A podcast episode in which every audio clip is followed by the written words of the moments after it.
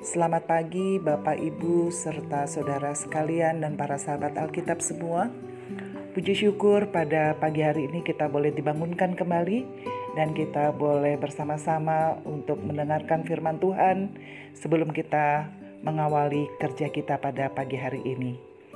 Bacaan Alkitab terambil dari Pengkhotbah 9 ayat 1 sampai dengan 6. Sesungguhnya semua ini telah kuperhatikan, semua ini telah kuperiksa, yakni bahwa orang-orang yang benar dan orang-orang yang berhikmat dan perbuatan-perbuatan mereka, baik kasih maupun kebencian, ada di tangan Allah. Manusia tidak mengetahui apa pun yang dihadapinya. Segala sesuatu sama bagi sekalian. Nasib orang sama, baik orang yang benar maupun orang yang fasik, orang yang baik maupun orang yang jahat, orang yang tahir maupun orang yang najis orang yang mempersembahkan korban maupun yang tidak mempersembahkan korban. Sebagaimana orang yang baik, begitu pula orang yang berdosa. Sebagaimana orang yang bersumpah, begitu pula orang yang takut untuk bersumpah. Inilah yang celaka dalam segala sesuatu yang terjadi di bawah matahari. Nasib semua orang sama. Hati anak-anak manusia pun penuh dengan kejahatan dan kebebalan dalam hati mereka seumur hidup dan kemudian mereka menuju alam orang mati. Tetapi siapa yang termasuk orang hidup mempunyai harapan, karena anjing yang hidup lebih baik daripada singa yang mati. Karena orang-orang yang hidup tahu bahwa mereka akan mati, tetapi orang yang mati tidak tahu apa-apa. Tidak ada upah lagi bagi mereka, bahkan kenangan kepada mereka sudah lenyap. Baik kasih mereka maupun kebencian dan kecemburuan mereka sudah lama hilang dan untuk selama-lamanya tak ada lagi bahagian mereka dalam segala sesuatu yang terjadi di bawah matahari. Demikian pembacaan Alkitab kita pada pagi hari ini. Tema renungan kita saat ini adalah hidup adalah kesempatan. Tuhan sudah mengatur semua hidup orang, bahkan kehidupan orang-orang yang jauh dan jahat di mata Tuhan. Setiap orang mempunyai nasib yang sama, yaitu tidak mengetahui tentang apa pun yang akan dihadapinya.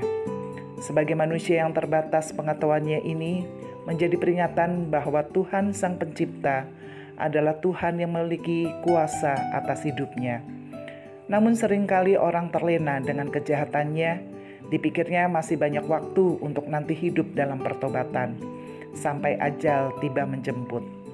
Karena itu pengkhotbah mengingatkan bahwa selama kita hidup masih ada pengharapan dalam hal ini adalah hidup dalam terang kasih Tuhan. Sebab ada orang yang hidup tetapi sudah mati dalam roh. Hidupnya selalu dipenuhi dengan kejahatan dan jauh dari Tuhan. Hidup seperti ini adalah berarti tidak tahu apa-apa. Baginya tidak ada upah atau imbalan pada saatnya nanti. Sebagai orang percaya, kita menyadari ada kematian yang akan dialami dalam masa hidup yang sudah Tuhan karuniakan kepada kita adalah menjadi tanggung jawab kita sebagai manusia percaya untuk selalu hidup dalam kebenaran. Selama kita hidup ini adalah kesempatan kita untuk melakukan segala pekerjaan, meraih prestasi, meraih mimpi, dan membangun kehidupan sosial yang berkenan di hadapan Tuhan. Dengan demikian, maka hidup menjadi tidak sia-sia melainkan hidup yang berguna dan bermakna. Hidup seperti inilah yang membedakan antara orang percaya yang sudah diselamatkan oleh karyanya dengan kehidupan yang mati karena hanya dipenuhi oleh hawa nafsu.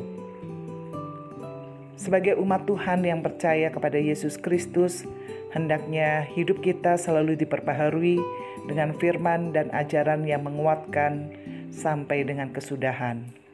Salam Alkitab untuk semua.